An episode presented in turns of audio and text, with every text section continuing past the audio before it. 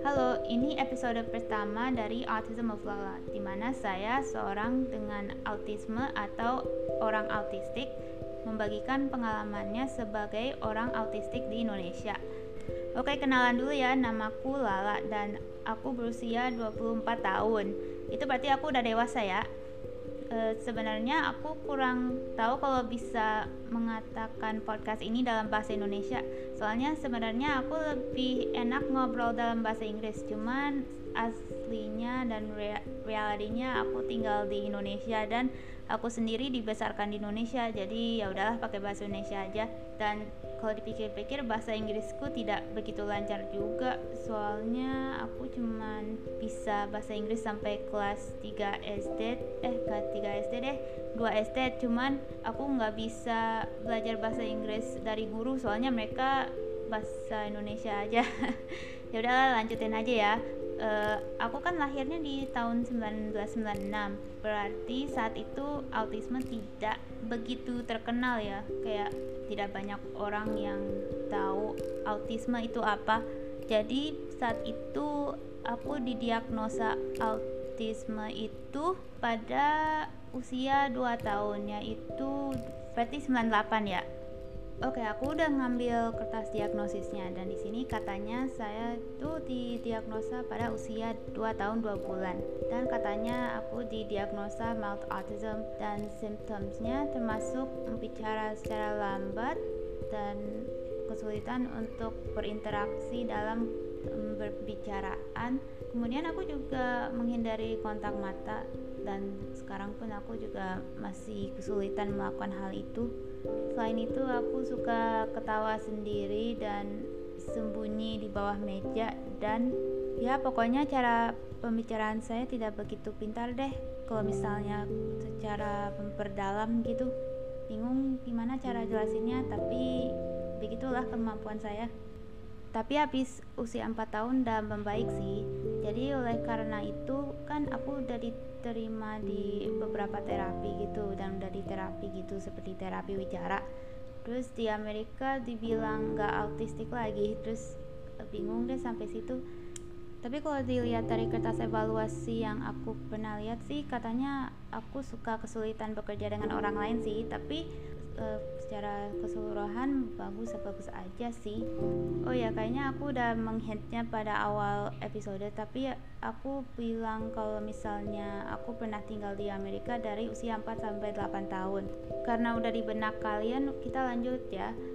Kemudian setelah pindah ke Indonesia aku baru belajar kalau aku pernah didiagnosa autisme itu pada kelas 5 SD soalnya psikolog sempat mengtes aku dan kata evaluasinya aku telah didiagnosa autisme. Dan sejak itu aku mulai terobsesi dengan huruf tersebut dengan huruf-huruf tersebut yang berbentuk menjadi sebuah kata.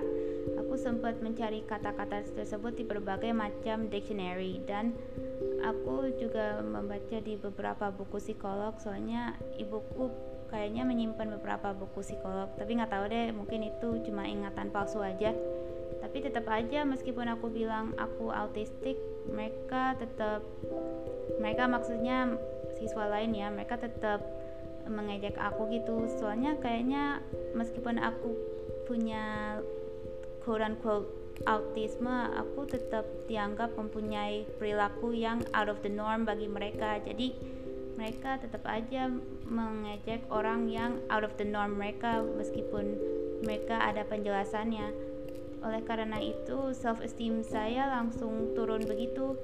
Dan aku sering mengunjungi beberapa psikolog. Dan mereka terus menolak bahwa aku punya autisme atau aku autistik.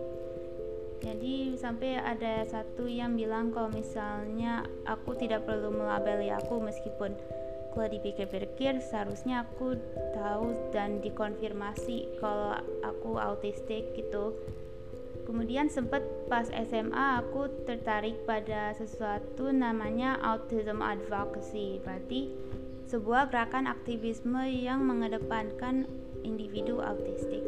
Sebenarnya pada saat itu tidak banyak di Indonesia yang membawa advokasi autism tersebut.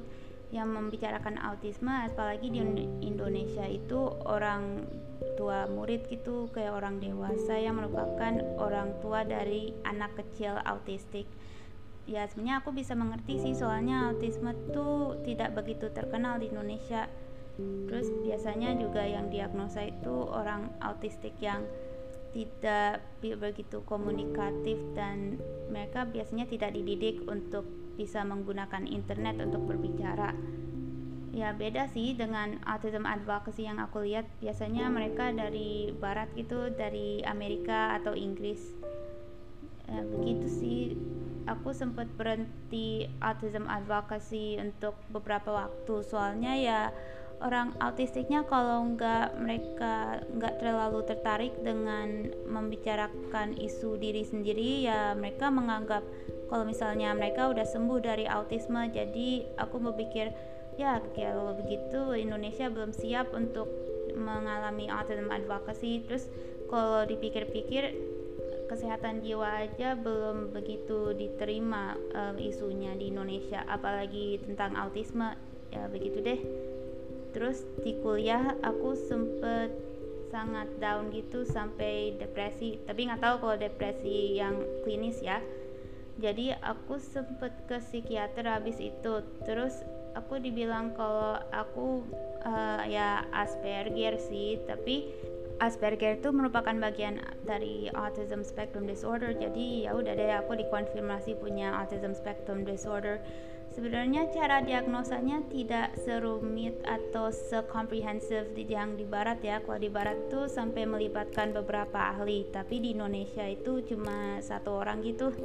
Bingung juga sih.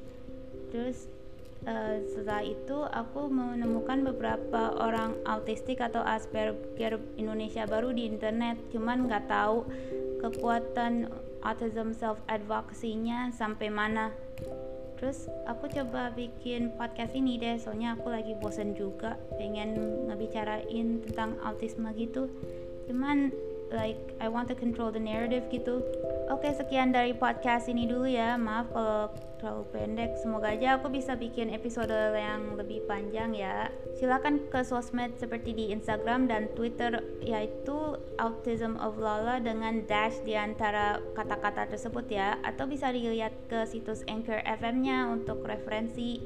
Sekian ya dah